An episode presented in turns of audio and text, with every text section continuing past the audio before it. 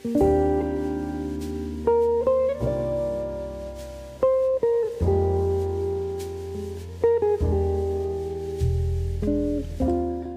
og velkommen inn på quiz-kontoret.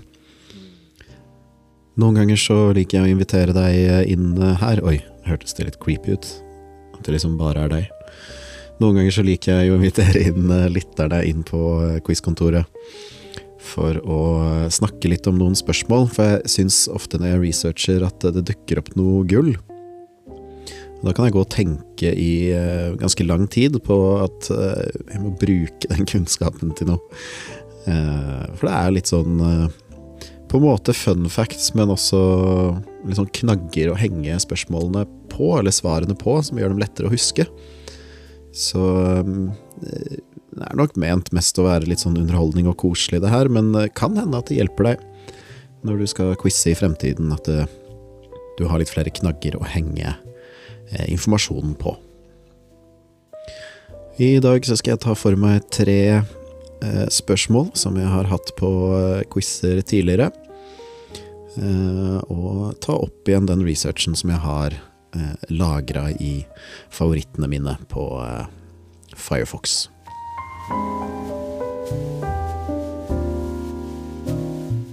Det første jeg skal snakke om her i dag, det er eh, Staropramen. Jeg hadde et spørsmål på Kuro i Ratkes gate i februar 2023. Og da spurte jeg fra hvilket land kommer ølmerket Staropramen. Og Staropramen, det kommer ifra Tsjekkia. Men eh, jeg vet at det er mange som syns det er eh, enten litt kjedelig å snakke om øl, eller så syns man det er kjempegøy, og da vet man omtrent alle de vanlige tingene.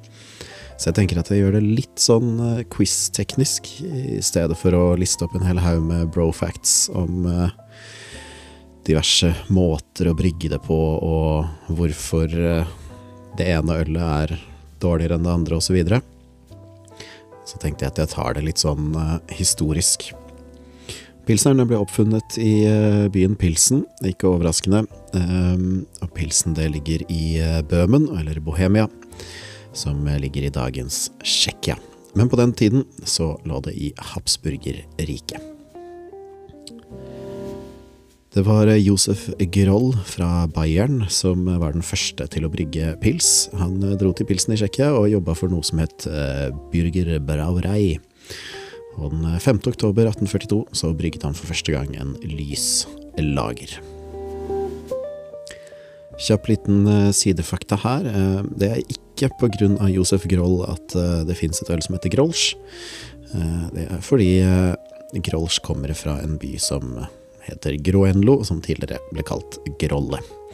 Så Grolsch har ingenting med Josef Groll å gjøre. Bortsett fra at det også er øl, da.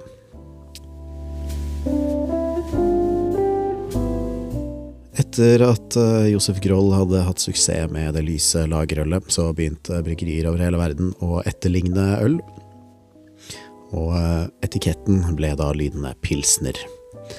Det ble registrert som et eh, merkevarenavn i 1859, og i 1898 så registrerte Pilsner Urkel merkenavnet sitt. Per i dag så er det SAB Miller som eier Pilsner Urkel. Urkel hadde veldig strenge regler om hva som skulle i eh, ølet. Det var nemlig bare rent vann, malt og humle som fikk lov til å være oppi ølet, og ingenting annet. Disse reglene ble senere omgjort til lov i Tyskland, og det ble kalt renhetsloven, eller reinheitsgebot. Og det er jo et ganske vanlig quiz-spørsmål, spør du meg. Jeg har i hvert fall snublet over det flere ganger, og sikkert hatt det selv eh, flere ganger også. Hvilke tre ingredienser eh, kan man ifølge renhetsloven ha i øl? Og det er da rent vann, malt og humle. Og så klart gjær. Eh, uten gjær så blir det jo ikke noe alkohol, og da blir det jo ikke noe moro. Ofte så er det mye snakk om ingrediensene, og at det er sashumle og bla, bla, bla. Men siden jeg lovte å ikke snakke om de tingene i dag, så tenkte jeg skulle nevne en litt artig ting om selve bryggeprosessen. Fordi pilsner det må brygges på relativt lav temperatur, sånn en 5-15 grader. Og Opprinnelig så kunne man derfor ikke brygge det hele året. Så produksjonsmengden og selve effektiviseringa gikk eh, vesentlig opp da man fant opp mekanisk nedkjøling. Altså da man eh, fant opp eh, type aircondition.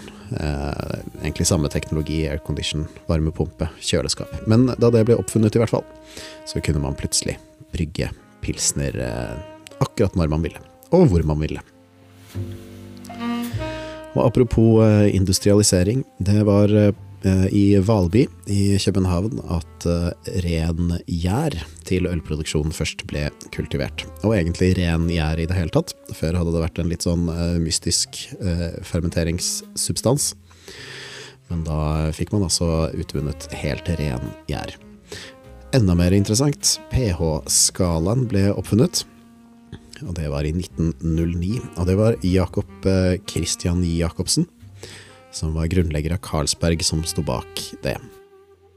Du har kanskje sett litt sånn halvspesialøl fra Carlsberg eh, som det står Jacobsen på, og det er eh, oppkalt etter grunnleggeren. Når jeg sier at det var eh, Jacobsen som sto bak eh, pH-skalaen, så stemmer det bare delvis. Han var primusmotor bak eh, nyvinninger, men det var Søren Sørensen som fant opp pH-skalaen. Så oppfinner er Søren Sørensen. Eh, men vi kan også takke eh, Carlsberg og danskenes søken etter det perfekte ølet, eh, både for at eh, vi har ren gjær, og for pH-skalaen.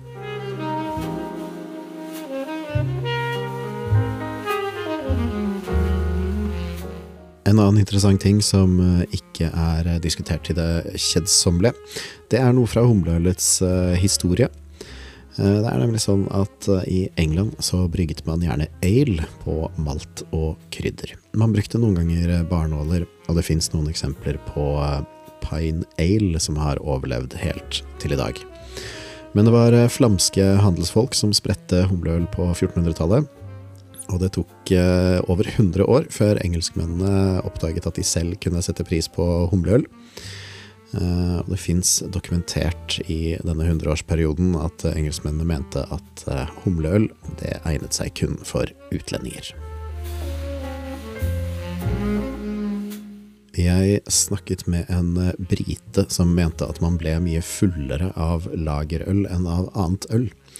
Det overraska meg litt, så jeg måtte researche litt om hvor denne eh, eventuelt myten, eh, eventuelt sannheten, eh, kommer fra. Og jeg fant ut at det fins litt hold i det. Altså, hvis du vanligvis drikker f.eks. Guinness, så har det en alkoholprosent på fire. Hvis du da i stedet plutselig drikker Grolsch eller Stella Artois, så har du nærmere 5% alkoholinnhold. Eh, og forskjellen på 4 og 5% den er faktisk nok til å utgjøre en eh, forskjell. På en annen side så finnes det lagre, som annet Carling, som eh, bare har 3,7% alkoholinnhold. Så det er egentlig ikke øltypen som gjør deg fullere, men alkoholinnholdet. Ikke overraskende så finnes det et pilsnermuseum du kan besøke i Tsjekkia hvis du er spesielt interessert. Eh, men siden ikke alle er spesielt interesserte, så tenker jeg at det kanskje holder for eh, pilsprat i dag.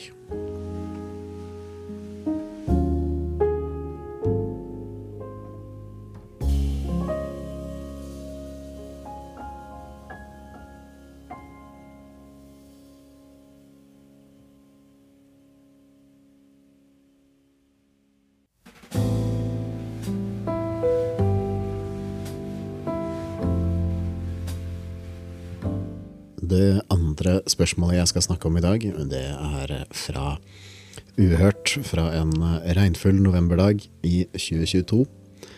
Jeg vil si, jeg husker jo ikke om det regna, men det var november, så mest sannsynlig.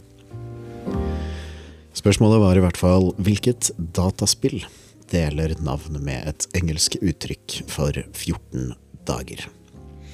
Et bitte litt upresist spørsmål, for det skrives jo ikke helt likt, men det eh, høres i hvert fall likt ut. Og svaret på det, det var eh, Fortnite.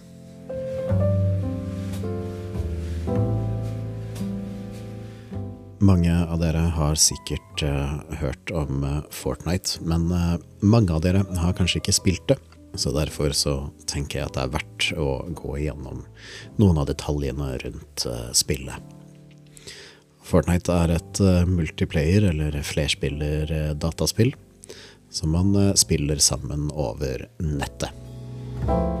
Opptil 100 spillere kan spille i samme runde og målet det er å eliminere alle motstandere og stå seirende igjen. Dette konseptet det kalles ofte Battle Royale, eh, og det heter det også i andre spill. Battle Royale-navnet kommer fra en eh, film fra år 2000, regissert av Kinji Fukasaku.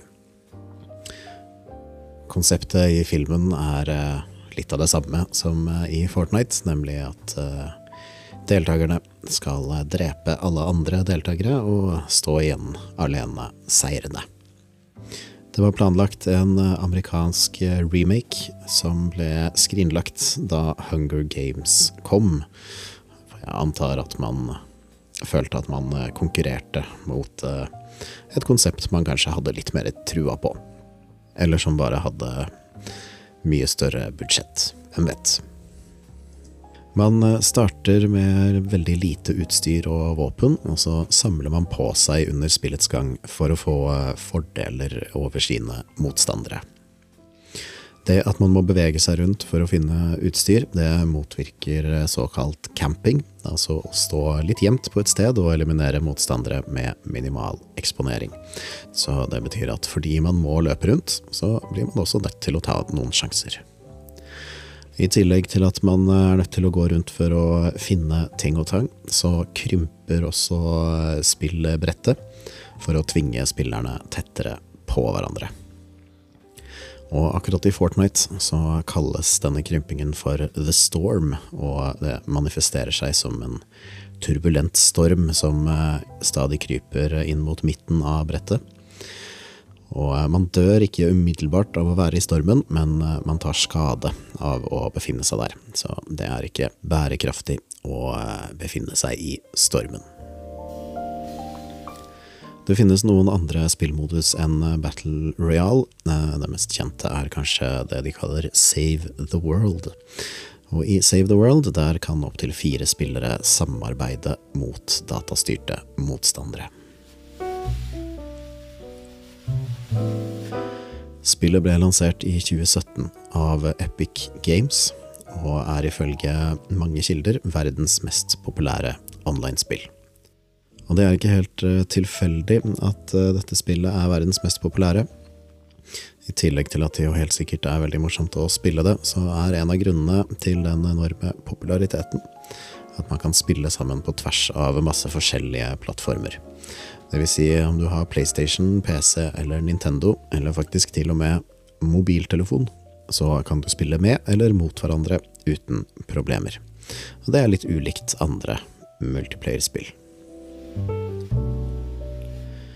I 2019 så vant norske Emil Bergquist Pedersen, eh, kallenavn Nyrox, Nyrox, VM i Fortnite sammen med sin makker eh, David Wang, som kaller seg Aqua. De stakk av med en premie på 26 millioner kroner.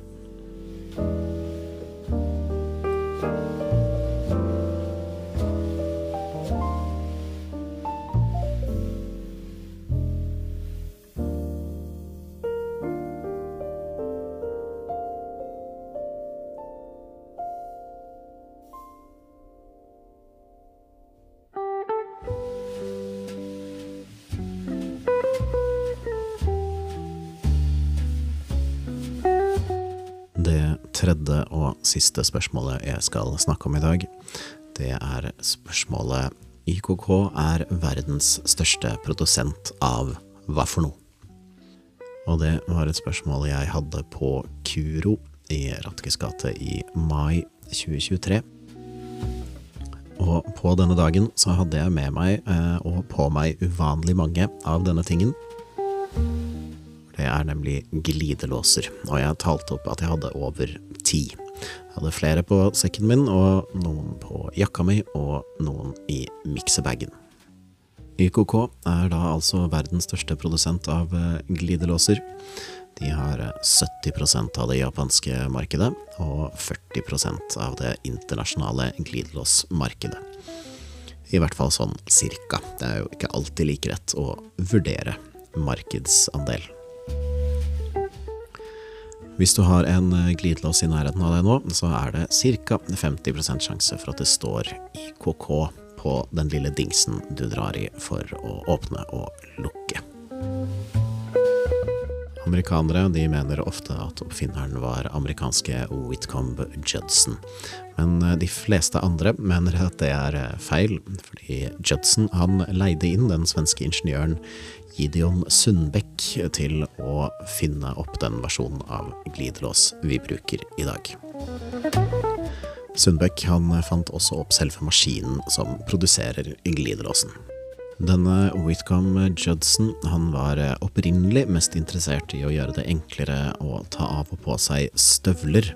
For det mest plagsomme i hans øyne det var at man måtte stå foroverbøyd eller sitte og kneppe knapper. Det var tidkrevende og irriterende, og i tillegg så kunne det utgjøre en viktig uh, ulempe med knepping, eller da fordel med glidelås, for f.eks. brannmenn og soldater.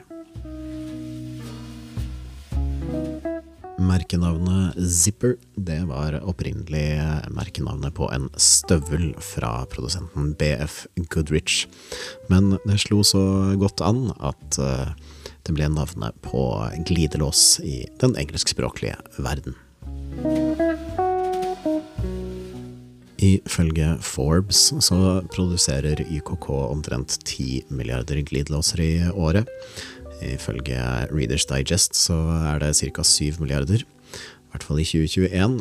Ehm, men ifølge Marketplace så produserer de bare 1,8 milliarder glidelåser i året. Jeg mistenker at denne diskrepansen kommer av at Marketplace teller antall glidelåser produsert i USA, og blander USA og verden, sånn som amerikanere ofte gjør. Så det reelle tallet er nok nærmere eh, Forbes 10 milliarder glidelåser i året. YKK ble grunnlagt av Tadao Yoshida i Tokyo i 1934. Selskapet ble grunnlagt på to prinsipper. Det første var å selv stå for alle stegene i produksjonen, fra smelting av kobber til ferdig levert produkt. På forretningsspråk så kalles dette ofte vertikal integrasjon.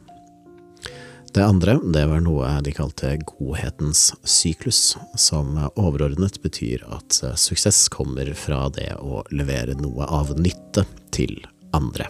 Men i praksis så betydde nok dette slagordet mer eh, innovasjon eh, og det å levere mer og mer nytte til en lavere og lavere kostnad for kundene. Så et ganske tidlig eksempel på eh, corporate omskrivning, eh, for at det skal høres hyggeligere ut enn det det kanskje egentlig er. På samme måte som for eksempel Gore-Tex er IKK sine glidelåser et eksempel på et ekstremt vellykket produkt som egentlig ikke er et eh, ferdig produkt til forbrukermarkedet. YKK lager ikke selv eh, bukser og jakker og sko, men kun selve glidelåsen. På den måten så kan de fokusere på én ting, eh, innovere og finne opp bedre glidelåser og produksjonsmetoder. Og de kan bry seg litt mindre om ting som merkevarebygging, komplisert logistikk, eh, utsalgssteder osv. Av sin store markedsmakt ble de i 2007 idømt eh, bøter for eh, prisfiksing. Men eh, denne boten den ble kraftig redusert når de anket til domstolen i Den europeiske union, det vi ofte kaller EUs høyesterett.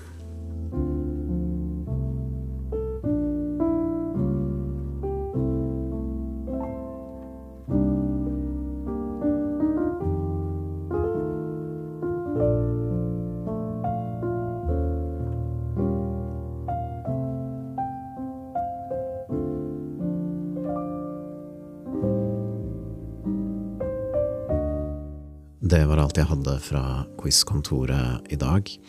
Jeg håper at dette faller i smak for noen. Eh, si gjerne ifra hvis du digger det, så kan vi vurdere å skille det ut til en egen podkast. Eh, eller hvis du hater det, så kan vi også vurdere å skille det ut til en annen podkast.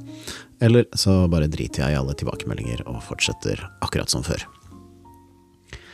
Dagens kilder det har vært Store norske leksikon, Nasjonalencyklopedien, Aurlex, som er en slags eh, lovdata for EU, eh, e Ølboka fra Cappelen Dam Faktum 2009, Den nøgne øl, en dansk bok eh, som handler om pilsner, fra 2019, eh, og en del pålitelige journalistiske kilder, som blant annet eh, Smithsonian Magazine, Forbes eh, osv.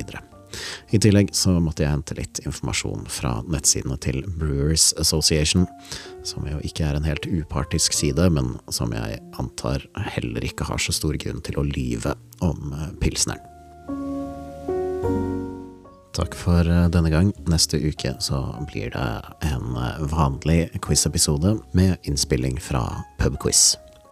Trykk gjerne abonner, eller eh, hva det nå enn heter i din eh, podkast-app, sånn at vi snart kan høres igjen.